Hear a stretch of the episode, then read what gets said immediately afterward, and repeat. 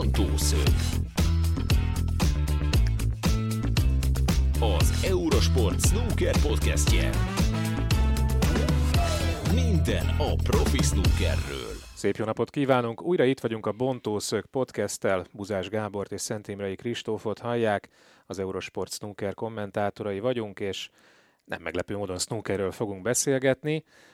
Csapjunk rögtön is bele, most ugye az Egyesült Királyság bajnokság viszonylag elején járunk, hétfő dél van, amikor fölvesszük ezt az adást, tehát arról még csak nem azt mondom, hogy érintelő, érintőlegesen fogunk beszélni, de hát nem elsősorban ez lesz a témánk, hiszen még a nagy része előttünk áll a versenynek hanem olyan dolgok, amik például kimaradtak a múlt heti adásból, vagy legalábbis van egy téma, ami engem nagyon érdekel, és csak egy részéről beszéltünk, de a másik részéről nem. Ugye volt arról szó, hogy Sean Murphy meg, megkritizálta, ha van ilyen szó, Stephen Hendry kommentátori tevékenységét, mert ugye kiderült, hogy Hendry egy verseny kommentálása előtt, vagy egy meccs kommentálása előtt nem látta a női világbajnokot, akinek egyébként a meccsét kommentálta, és Hendry azt mondta, hogy ez így elég rossz, mert hogy föl kéne készülni a játékosokból. Ebben... Igen, hogy Murphy mondta a Henryről ezt. Ja, igen, lehet, hogy fordítva mondtam, bocsánat. Igen, ebben alapvetően azt gondolom, hogy igaza van, de fölmerült az is, és azért ismerült föl bennem, mert nagyon sok ilyen kommentet olvastam, főleg angol rajongók részéről, hogy oké, okay, Murphykém, de az a lényeg, hogy a játékról mit mond az ember, és ehhez én nagyon tudok kapcsolódni, mert ugye nekünk kommentátorként olyan nagyon sok lehetőségünk nincs felkészülni, tehát nyilván meg tudjuk őket nézni, főleg YouTube-on, hogyha, hogyha nagyon akarjuk, meg még nem láttuk őket.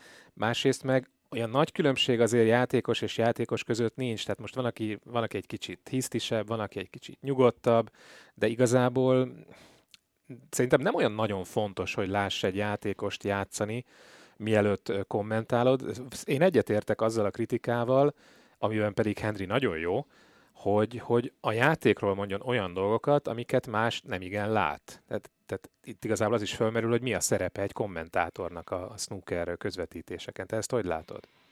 Hát meg eleve nehéz azért az összes profi játékos látni, mielőtt közvetíted az ő meccsét. Tehát ugye 128 játékosról beszélünk tulajdonképpen. Igen. És az egyikük ugye uh, ja, Bajpat Siripaponról volt szó, igen, ugye? Igen, ugye igen, ő az aktuális női világbajnok.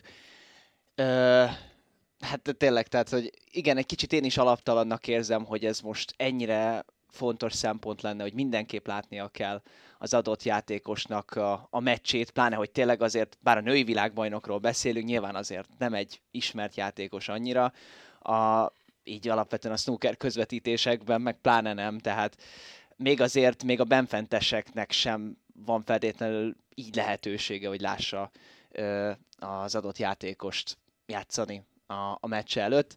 Azért bocsánat, hogy közbeszúrom, azért YouTube-on meg lehet találni meccseit, tehát, tehát ezt meg lehetett volna nézni, hogyha, hogyha az ember nagyon akarja, de hát mit tudsz abból leszűrni, hogy belökte a harmadik pirosat, vagy nem lökte be, érted? Szóval olyan, olyan nagyon sok mindent szerintem nem lehet leszűrni abból, hogy, hogy látsz Persze, tehát néhány lökés, néhány meccs alatt szerintem se lehet egy komolyabb dolgokat leszűrni. Nyilván stílus között is azért van különbség, de igen, egyetértek veled, hogy azért annyira nagy különbségek ilyen téren nincsenek. Tehát akár így más sportágakhoz képest. Nyilván valakinek tehát minden játékosnak megvannak a maga erősségei, a gyengeségei, akár ugye a bréképítésben, akár a biztonsági játékban, hogy akár milyen a lökés választása, taktikailag mennyire felkészült, mennyire érett, nyilván vannak különböző szempontok, de igen, én is egyetértek veled abban, hogy elsősorban az a fontos, hogy jól átlásd a játékot, és ebben azért egy hétszeres világbajnoknak nyilván azért óriási tapasztalata van, és óriási szakértelme. Hát igen, elég nehéz ezt, hogy ebben őt überelni.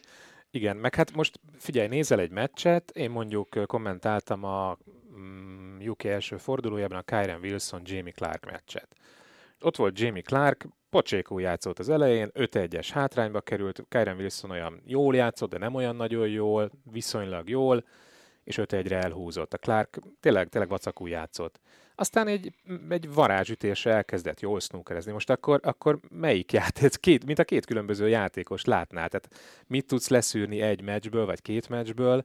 Öm, egy olyan játékossal, aki, aki tud így is játszani, mint egyébként mindenki, meg úgy is játszani. Tehát igazából az a lényeg, hogy egy meccsen mi történik, meg, meg mi a dinamikája egy, egy adott meccsnek, hogy hol van az a pont, ahol megváltozik, hogy, és ugye az adott helyzetek a másik, hogy egy, mit, egy biztonsági helyzetben mit érdemes, mit nem érdemes, mikor érdemes rápróbálni ilyenek, és tényleg hát ebben a Henry azért, azért el tudja mondani a, a legfontosabbakat. Igen, tehát nyilván ezekben lehetnek különbségek, hogy mondjuk igen, az adott játékos ebben az esetben a női világbajnok ezt most bevállalná, bevállalósabban játszik, vagy inkább biztonsági játékot fog ö, választani, de pont ez az, hogy mivel tényleg közel 130 játékos van a túron, azért nehéz mindenkit így ismerni. Hát Többire egész... hegyire az ő játékát, és lehet, hogy abban a helyzetben aztán egyébként nem azt a lökés fogja választani, tehát hogy mert hogy meccsen belül is változtathatod hát mondjuk a, a stratégiádat, a taktikádat. Így van, meg mondjuk mit bevállalsz két-három hosszú pirosat, nem jön be, akkor egyiket valószínűleg már nem fogod bevállalni. Akkor sem, ha olyan egyébként bevállalósabb típus vagy. Na jó, akkor uh, szerintem itt egyezzünk meg abban, hogy megegyezünk nagyjából, és uh, térjünk át, uh, hát Ronnie O'Sullivanre most azért leginkább a, a téma vázlatainkban ő szerepel, több szempontból, több okból. Az egyik ugye az volt, hogy felmerült, felmerült, hát arról beszélt Ronnie O'Sullivan egy hosszabb interjúban, hogy lehet, hogy ott hagyja a profi mezőnyt. Ez a múlt hétnek egy ilyen erősebb témája volt. Mert ugye volt ez a, ez a múltkori pár héttel ezelőtti makaói bemutató, tervezett bemutató, amit, amikor ugye a World Snooker Tour meg gyakorlatilag megfenyegette a játékosokat, akik ott indultak volna, ugye többek között John Higgins, Mark Selby, tehát nem ilyen futottak még játékosok, és végül is, mert ugye egy időben lett volna ez a bemutató egy World Snooker versenyel a Northern Ireland Open-nel.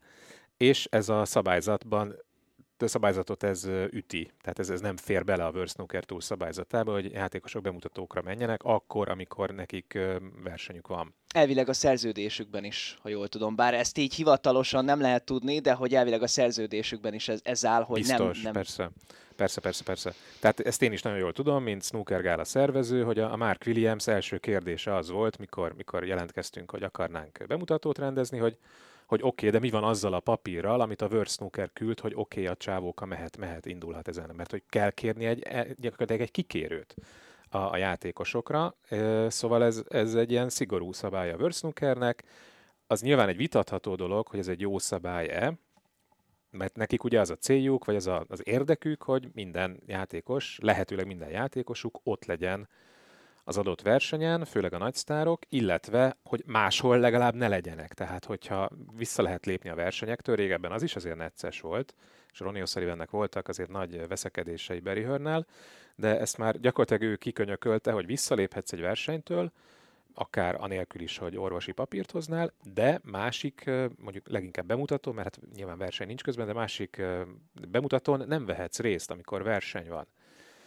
És, és ugye az a kérdés, hogy illetve azt, azt mondta Ronnie O'Sullivan, hogy őt ez annyira feszélyezi, most, hogy megint lehet Kínába menni, és, és tényleg ott a dollár eső várja, őt is, meg egyébként másokat is, hogy, hogy úgy van vele, legalábbis múlt héten úgy volt vele, hogy, hogy azzal fenyegetőzik, mondjuk ez egy kicsit nagy szó, de azt meglebegtette, hogy lehet, hogy ott hagyja az egész profi versenyzést, hogy őt nem engedik Kínába utazni. Ez, ez reálisnak tűnik?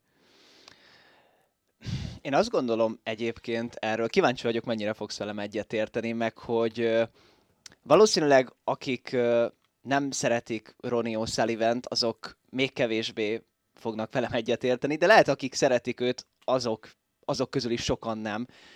Mert hogyha tudjuk Ronnie O'Sullivanről, hogy azért sokszor elsősorban a saját érdekeit nézi. Tehát azért ez előfordul, Igen. elég gyakran, de én azt gondolom, hogy azért én azt gondolom, hogy ez elsősorban nem róla szól feltétlenül. Én azt gondolom, hogy, hogy ez lehet egyfajta nyomásgyakorlás a World Snooker túra, de nem feltétlenül maga miatt, hanem a többi játékos miatt is, mert tényleg elég kötöttnek tűnnek ezek a szerződések, már csak ez alapján is.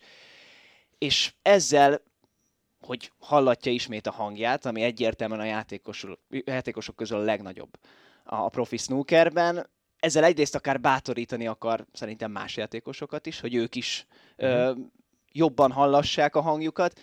Másrészt, ha esetleg tényleg a World Snooker Tour úgy gondolja, hogy hát ez csak egy üres fenyegetőzés, és nem nagyon lépnek semmit az ügyben, akkor lehet tényleg megteszi, és akkor viszont ez, ez pláne ez a többi játékosnak is egy jel lehet, és persze a World Snooker Tournak is, hogy, hogy ebből lehet probléma, és lehet akkor tényleg kell változtatni, de lehet önmagában azzal, hogy egy ilyen kijelentést tett, ezzel is valamilyen szinten Ronnie O'Sullivan elő tud segíteni egy párbeszédet a játékosok és a WST között, ami elvileg egyébként itt a uk meg is fog történni, zárt körülön, Igen. mert hogy már Kellen is egyébként, ő is ugye már korábban is kritizálta a, a World Snooker Tourt, és most újra elmondta ezzel kapcsolatban a véleményét, és maximálisan kiáll Ronnie O'Sullivan mellett, és ő ö, ejtette meg azt a gondolatot, azt a tervet, hogy, hogy pár játékossal leülnek a WST vezetőivel, és beszélnek a helyzetről. Tehát azt gondolom, hogy ez, ez már nagyon ideje volt, mert pont ez, hogy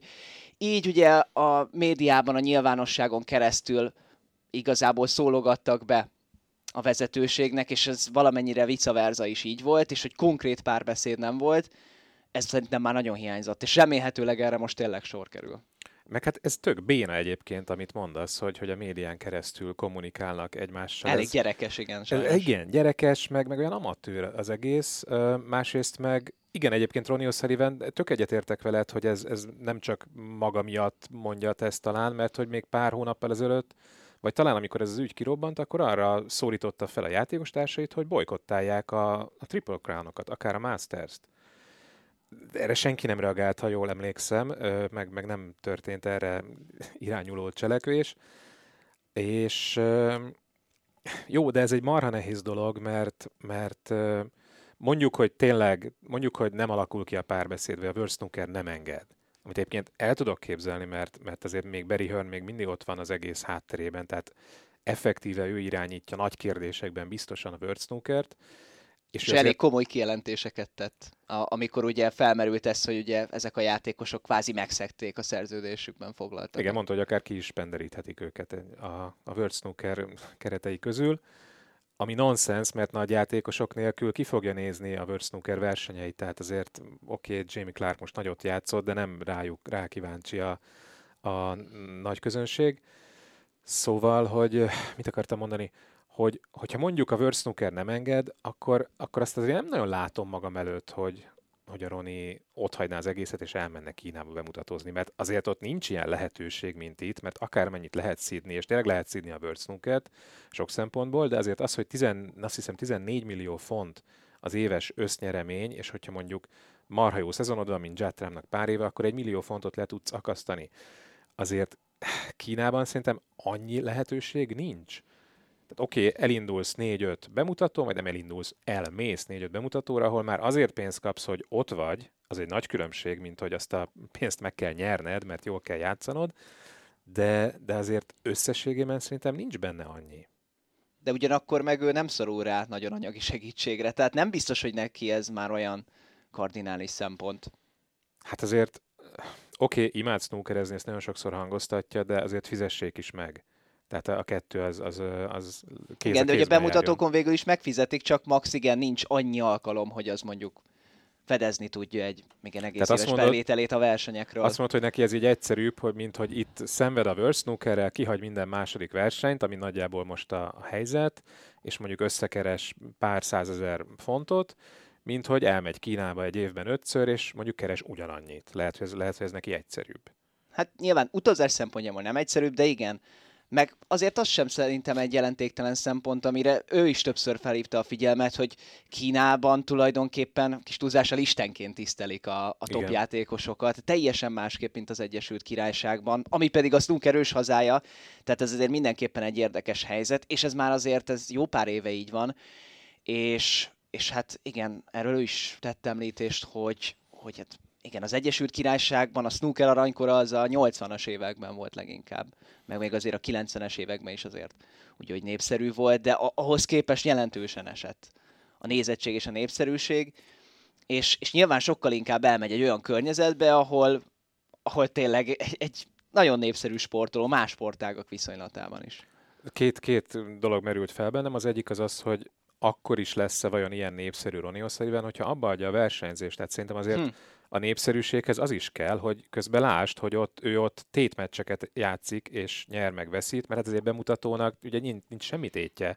Tehát ott, ott azért vannak a nézők, mert ő ott van, és lehet csodálni, de lehet, hogy nem játszik olyan jól egy bemutatóm, az, az előfordul, például itt Magyarországon is megtörtént sajnos, hogy nem játszott különösebben jól de ott volt, és szerették, imádták, de nem biztos, hogy ezt hosszú távon fel lehet, fel lehet tartani. Az ember csak bemutatózik, és nem játszik tétmeccseket. Aztán lehet, hogy a kínaiak szemlélete teljesen más, mint, mint amit én most mondok. Mert... Lehet, hogyha ők már csak látják játszani, már attól oda vannak. Ö, lehet. Egy-egy lökésétől is, lehet, ahogy hát... így, így kivesszük a versenyekből, hogy lök egy nem is feltétlenül űrbéli ö, állásból egy, egy lökést, és már arra óriási ováció van. Igen, minden esetre ez szerintem egy nagy kockázat lenne Ronnie osullivan hogyha ott hagyná, ott hagyná a Wörtsnookert, de egyetértek veled, hogy valószínűleg nem ez a, nem ez a várható végkimenetel, hanem hogy a Wörtsnookernek kellene engednie, na de hogyha belehelyezkedünk az ő az ő helyzetükbe, mit, mit tudnak csinálni szerinted? Igen, ez egy jó kérdés, mert azt hiszem, hogy Bátori Gábor, ugye nemzetközi snooker játékvezetőnk tette kontextusba azt, hogy ugye mennyi a WST-nek az éves költségvetése, amennyiből gazdálkodhat. És érdekes összehasonlítás volt, hogy azt hiszem, hogy kétszer-háromszor nagyobb csak a Ferencváros labdarúgó csapatának a költségvetése. Na jó, de ezt a két sportot nem lehet összehasonlítani. Persze, csak ez, ez is azért érdekes megvilágításba helyezte azt, hogy, hogy igen, azért a World Snooker Tournak is azért egy tehát nem, nem egy olyan nagy büdzséből kell feltétlenül gazdálkodni. Ez most az összpénznyeremény, tehát ez a 14 millió font, amiről beszéltünk, ugye ezt, ezt az összeget mondod. Igen, igen, na de hát az ember azt gondolná, hogy lehetne tenni annak érdekében, hogy egy versenyen mondjuk egy Home Nations ne 80 ezer font legyen a győztes díja, hanem mondjuk 150 ezer. Nyilván marha nehéz ezt megtenni, tehát azért pénzt uh, szerezni szponzoroktól hirtelen kétszer annyit, az borzasztóan nehéz, és látjuk, hogy mennyire szenved a szponzorok behúzásával a World Snooker, hogy most egy kaszinó, egy mondjuk úgy, hogy egy szürke zónás kaszinó szponzorálja az egyik legnagyobb versenyt, az Egyesült Királyság bajnokságát, amit még szeptemberben valami nem tudom hány százezer fontra megbüntetett a brit hatóság. Tehát, tehát effektíve nagyon nehéz behúzni, vagy behozni a pénzt a snookerbe.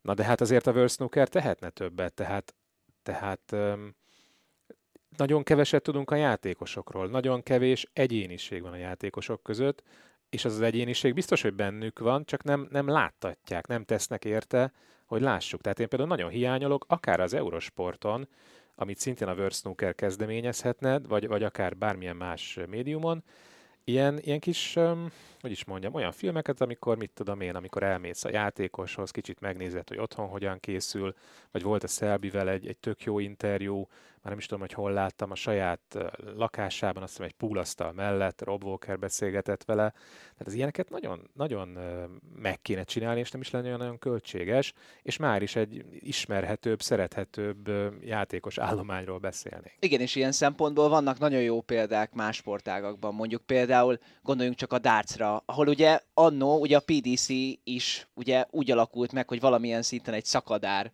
igen. szervezet, szakadár szövetség volt, ami még akár itt is megvalósulhat, bár szerintem erre most egyre kevesebb esély mutatkozik szerencsére.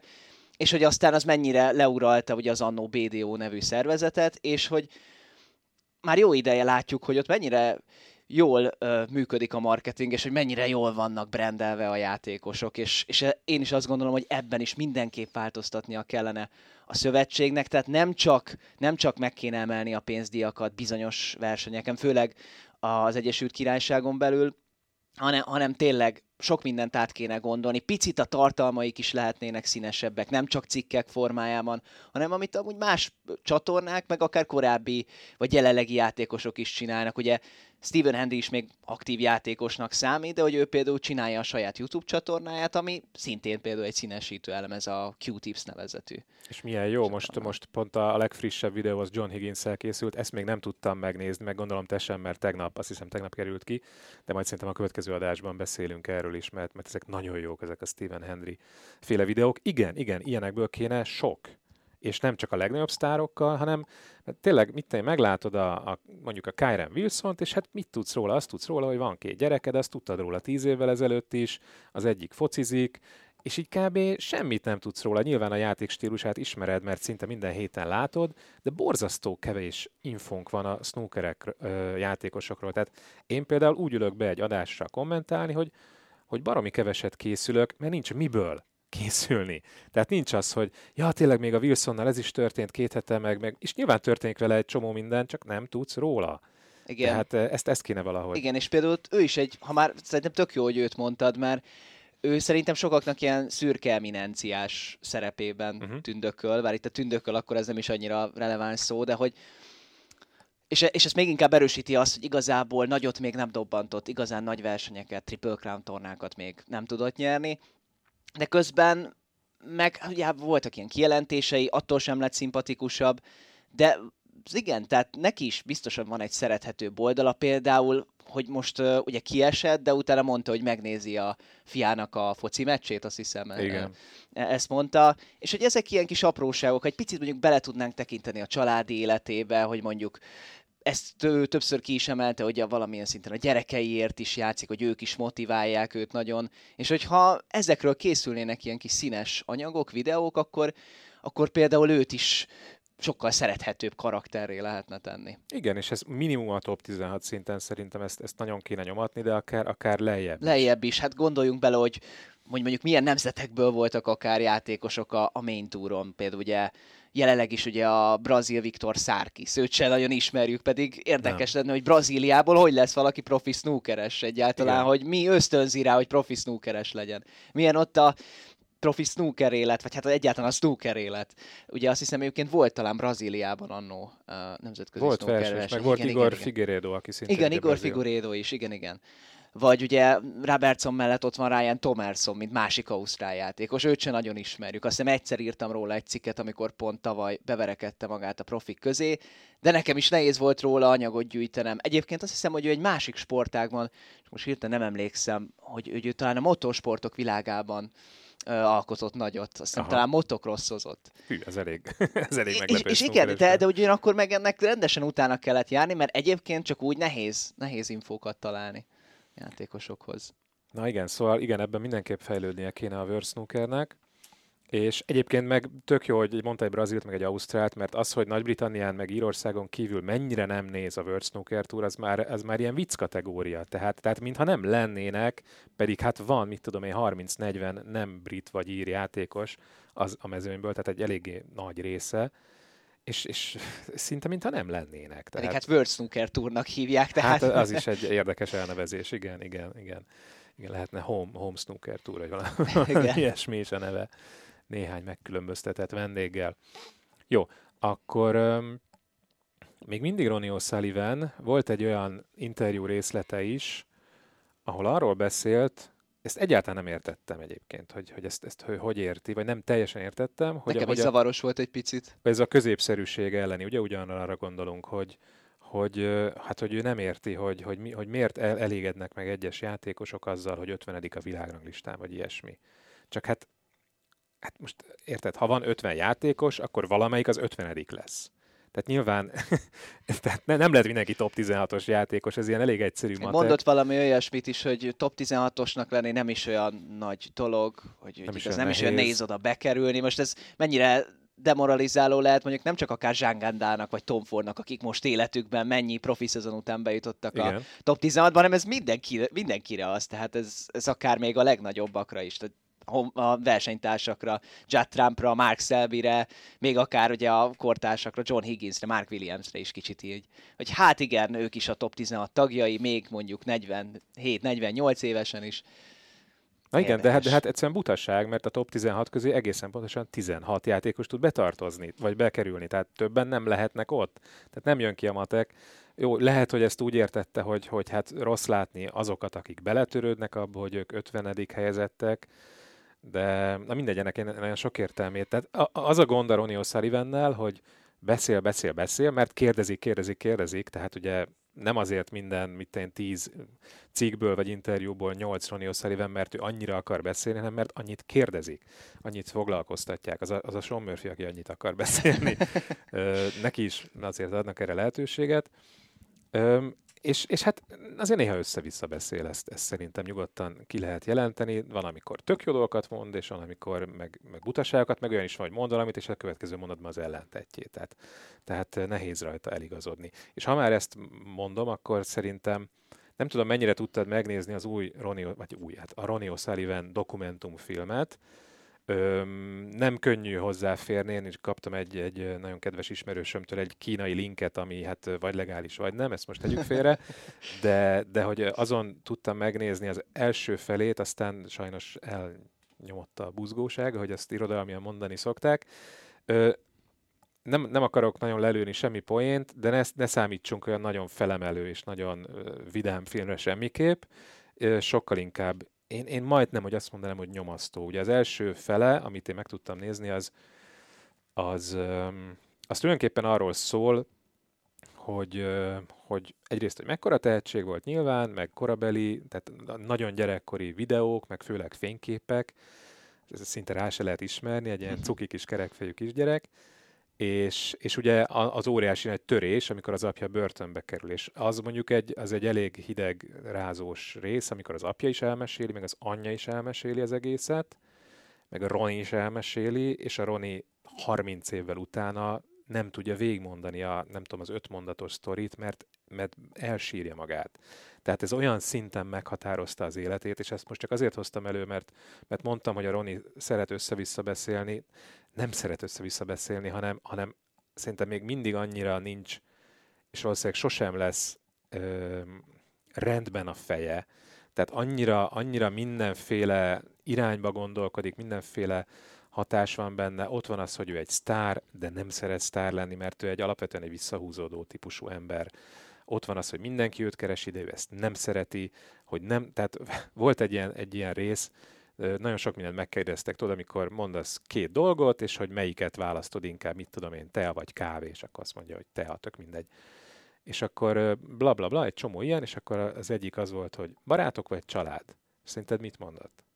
Hm. Hm. Barátok? Egyik sem. Hm. És ez, ez is annyira árulkodó, hogy, hogy ő, egy, ő egy magányos fazon, és hát igen, ugye vannak gyerekei, de családja nincs, mert mert sosem nevel gyereket, mert ugye, hogy is mondjam, ilyen elszórt gyerekei vannak. Van egy barátnője, élettársa, most már 10x éve, de, de igazából egyik sem, barátai meg a, a futó cimboráik vannak, cimborái vannak gyakorlatilag, azt, azt elmondta, hogy ő a snookeresekkel nem nagyon szeret vegyülni, és nem azért, mert magasabb rendűnek tartja magát, hanem azok mindig snookerről beszélnek, az őt annyira nem érdekli. Igen, igen, igen, igen, igen.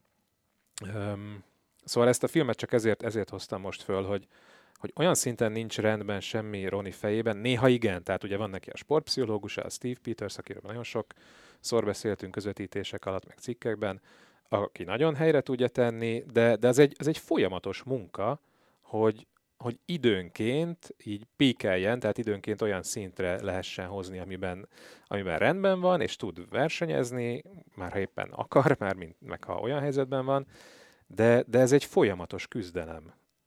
Ronnie O'Sullivannek lenni, és nagyjából ez az, ami átjön ebből a filmből, és ilyen szempontból nagyon érdekes és nagyon érdemes megnézni, hogy jobban bele tudjunk helyezkedni a, a Roniságba. Igen, hát nyilván egy óriási egyéniség, de pont, pont ebből a dokumentumfilmből is kiderül, hogy mennyire sérülékeny is ő igazából. Nagyon, nagyon. És, és, és szerintem ettől csak még szerethetőbbé válhat, mert még inkább megmutatkozik mögötte az az ember. A zseni mögötti ember, és a kettő az együtt, együtt van, együtt él és hogy, hogy mennyire szüksége van tényleg fogódzókra, hogy kire tud támaszkodni. Például, hogy eleve ez a filmes táv végigkövette őt Igen. a világbajnokságon, és a tavalyi vb n és nem lehetett tudni, hogy mi lesz a vége. Lehetett volna nem happy end a vége.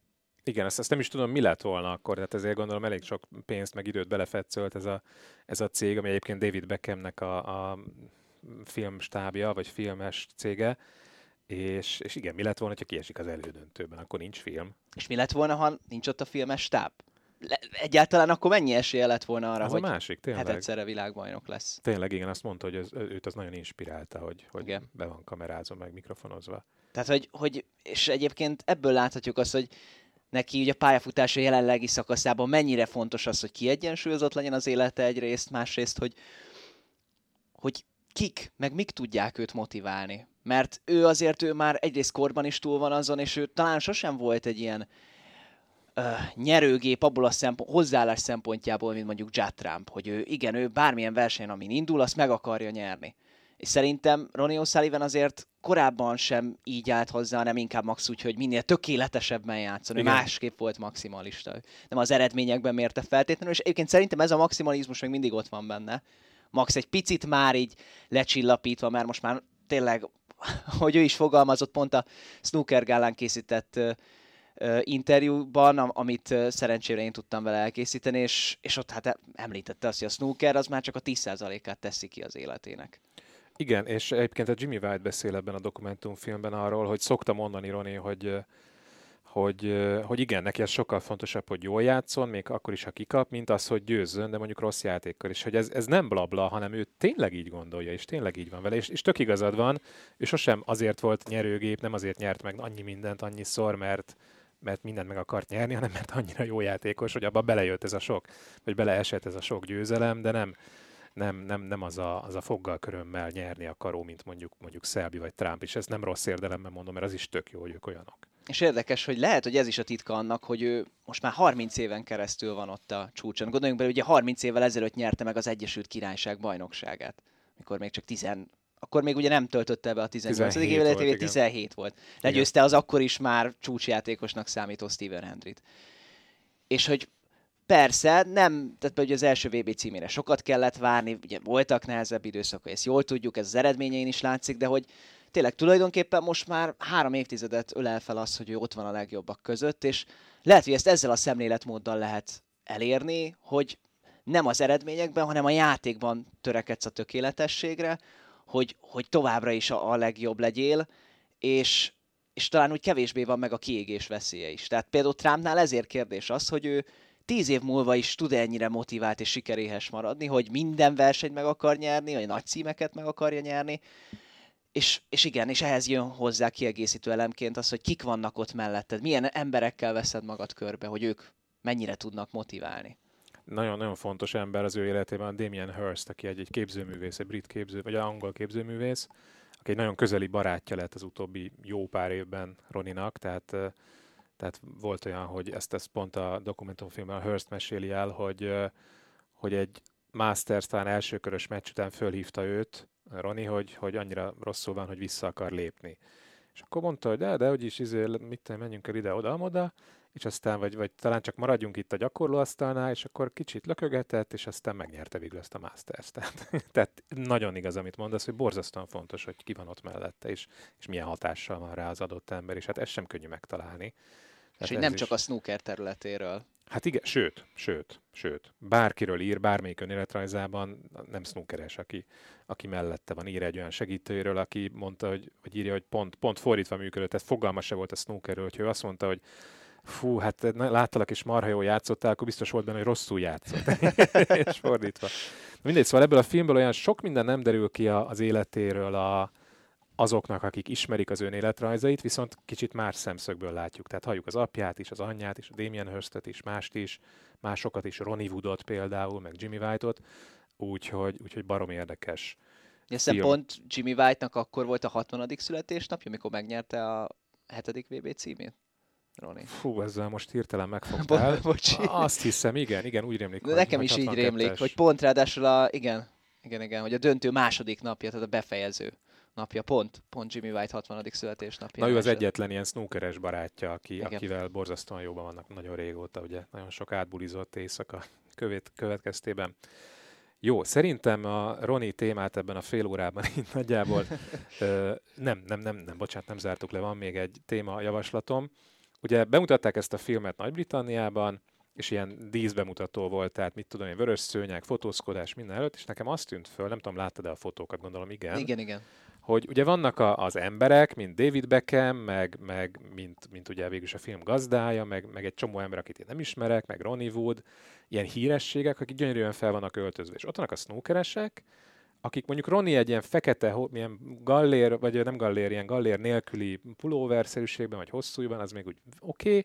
Judd Trump valami tök béna, zöld-fehér pólóban, tehát tényleg mintha az edzőteremből jött volna fehér cipőben, és azt néztem, hogy mindenki normálisan fel tud öltözni, csak a snookeresek nem hogy ennek mi az oka? Tehát van-e ennek oka, van-e ebben valami tendencia, van-e benne egy olyan vonulat, hogy oké, okay, mi a versenyekre kiöltözünk, amiről Igen, pont ezt akartam mondani. Tehát ugye ott ugye van ez a nem annyira alkalmas, ám de jól kinéző öltözet, tehát akkor egy másik helyzetben minek? Meg az is eszembe jutott, amit mondtál, hogy ott van mondjuk a Fradi, vagy bármilyen foci csapat költségvetése, meg az összpénz a snookerben, tehát ez egy sokkal kisebb dolog, sokkal kevesebb pénzük van, sokkal kisebb sztárok akár, de hát ettől még azért föl lehet öltözködni, tehát nem, a, nem kell megnyerni a 150 ezer fontos versenyt ahhoz, hogy tudj venni egy rendes ruhát. Igen, Mi lehet-e mögött? Lehet egyébként az, az amit mondtál, hogy, hogy ugye eleve szigorú a dresszkód a, a pontszerző versenyeken, bármilyen profi snooker verseny, vagy a legtöbben, ugye például most a bajnokok bajnokán nem ez volt a helyzet. Igen. És hogy úgy nem akarták ezt, ezt akár ezt az érzést így visszaidézni, hogy, hogy akkor ők most nekik megint ki kell öltözniük, hanem ami számukra a legkényelmesebb. És hát igen, ettől függetlenül érdekes, hogy tehát most beszélhetnénk ízlésről, hogy kinek milyen ízlése van, akár Trumpnak, akár Roninak.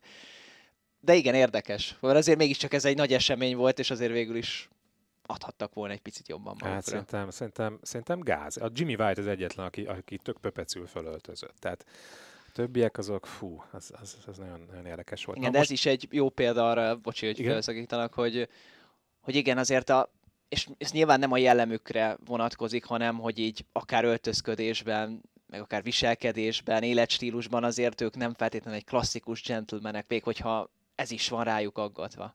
Ja, ez, ez bennem fel sem merült. Igen. Miért lennének azok? Ezt, ezt nem is Csak értem. szerintem sokan egész... még akár még tudnak még mindig így gondolkozni, hogy, hogy hát igen, a snooker az egy úri sport, akik játszák, azok úri emberek, és hogy ugye kevésbé látjuk az ő oldalukat a hétköznapokban. De ez csak ilyen magyar, magyar gondolkodás, Lehet, nem? lehet. Mert, mert nem, ugye... nem tudom, nincs rálátásom úgy a külföldi véleményekre. Hát, hát ugye Nagy-Britanniában ez, ezért a munkásosztály sportja volt. Tehát ugye Mark Williams eh, egy bányász családból jön, és ő is majdnem bányász lett. Most oké, Roni egy, egy más környezetből, illetve egy sokkal gazdagabb szülei voltak, de azért, mert vállalkozó volt az apja, de neki meg szexboltjai voltak. Tehát, tehát azért, eh, hogy is mondjam, úriembernek nem feltétlenül nevezném semmilyen szinten, tehát ez, ez szerintem ez ilyen magyar furcsaság, vagy... És tényleg félreértés nem a jellemükre, a személyiségükre gondoltunk. Tehát azért az sokszor a meccseken is kiderül, hogy ők nagyon sportszerűek, meg hát nyilván a sportszerűség, meg eleve az úriemberség is azért nem feltétlenül egyezik minden szempontból, de igen, de tehát, hogy most nem el, erről beszéltünk. Ez igen, de, de ez, ez mondjuk benne lehet ez, hogy valóban olyan, olyan szinten sportszerűek, ugye be, a saját hiba bemondása és igen, a többi, igen. hogy emiatt mondjuk lehet ezt mondani, igen, de, de különben nem ez fel nem merült sosem, hogy, hogy ők úri emberek. De hogy ők, is... igen, de a hétköznapokban nem így öltözködnek nem. Nem, nem, nem, nem, nem, meg nem is így beszélnek, tehát hogyha hallja, mondjuk a Tom Fordot, ha hallottad valaha beszélni, hát ez, ez nem, nem, nem egy úriember. Öm, szint, vagy hogy úgy mondjam.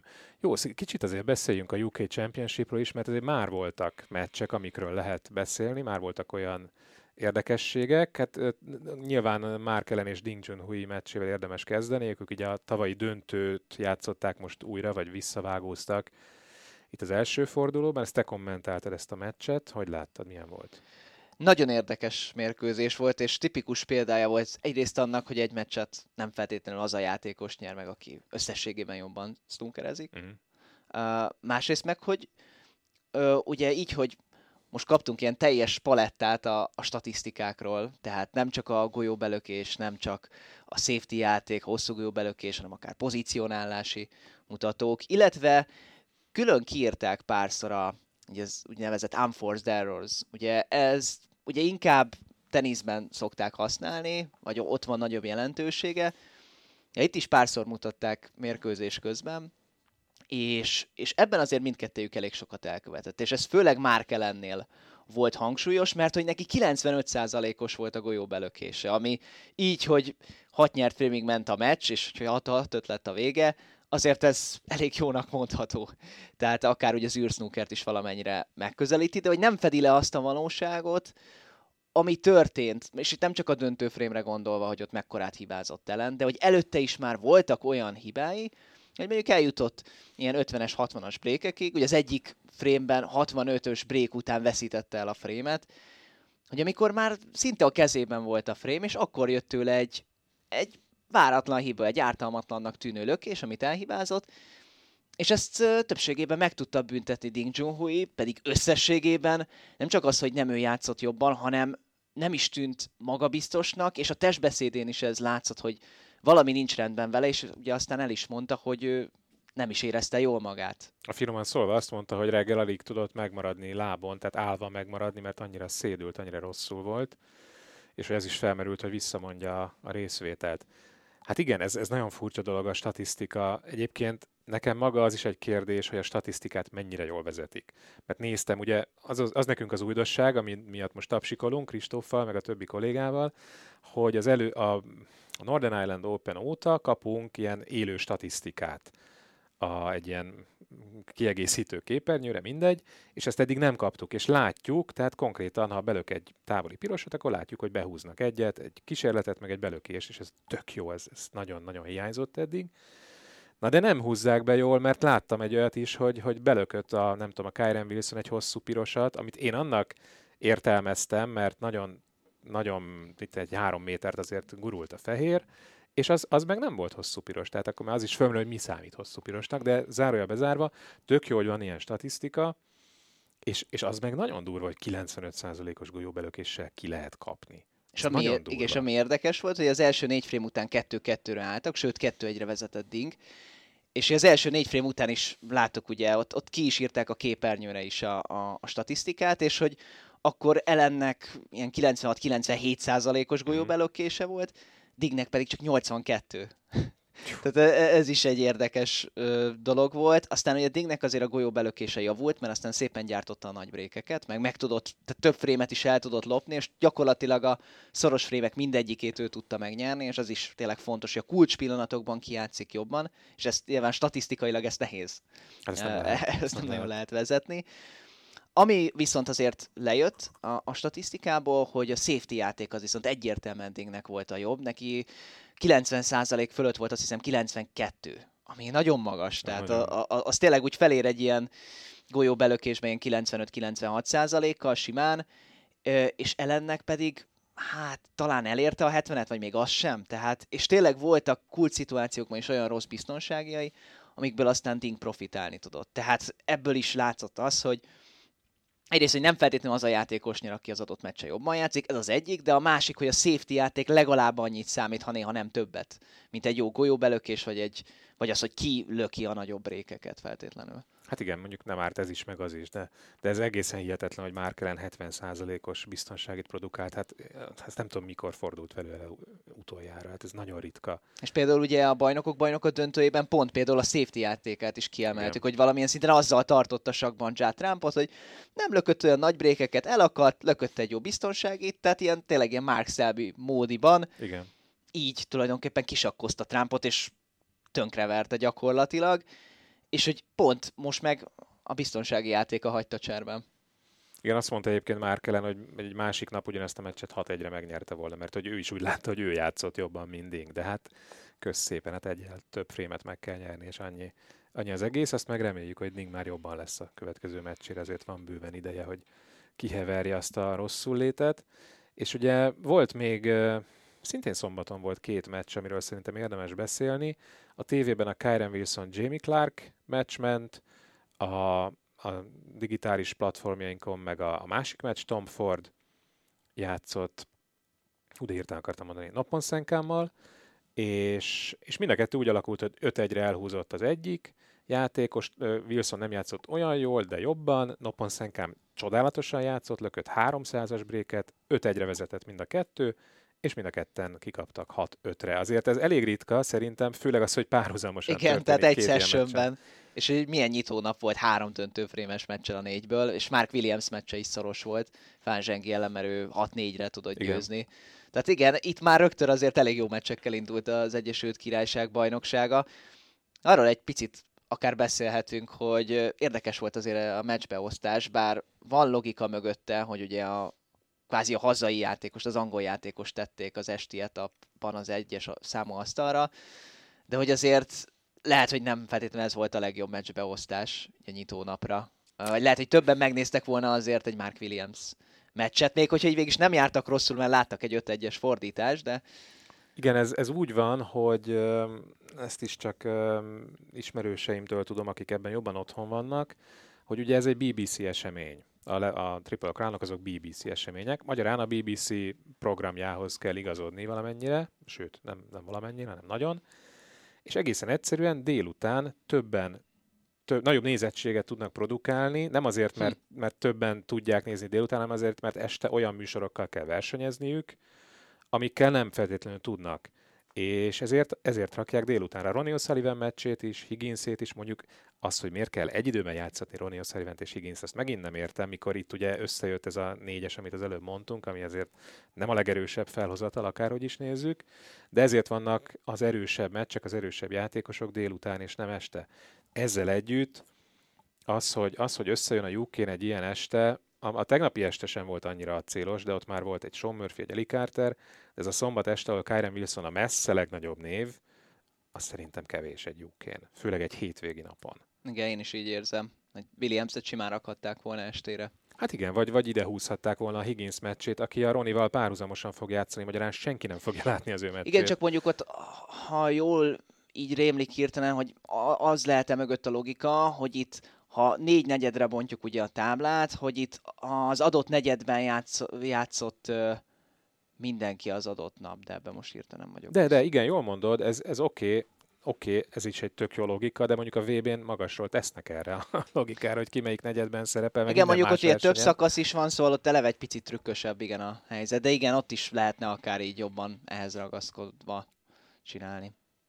Még egy, egy dolgot kéne talán a UK-n bevezetni, vagy nem bevezetni, hanem visszahozni, a két szakaszos elődöntőt, mert az, hogy hat nyert frémig megy a Jukin az elődöntő, az szerintem, az szerintem nagyon sovány. És ugye, ugye, ugye már a selejtező első körében is hat nyert igen. tartanak a meccsek. Igen, igen. Igen, ezzel egyetértek. Tehát igen, talán az túlzás lenne egy mondjuk rögtön az egész főtáblára 9 nyert frémig tartó meccseket kiírni, mint ahogy ez régen volt.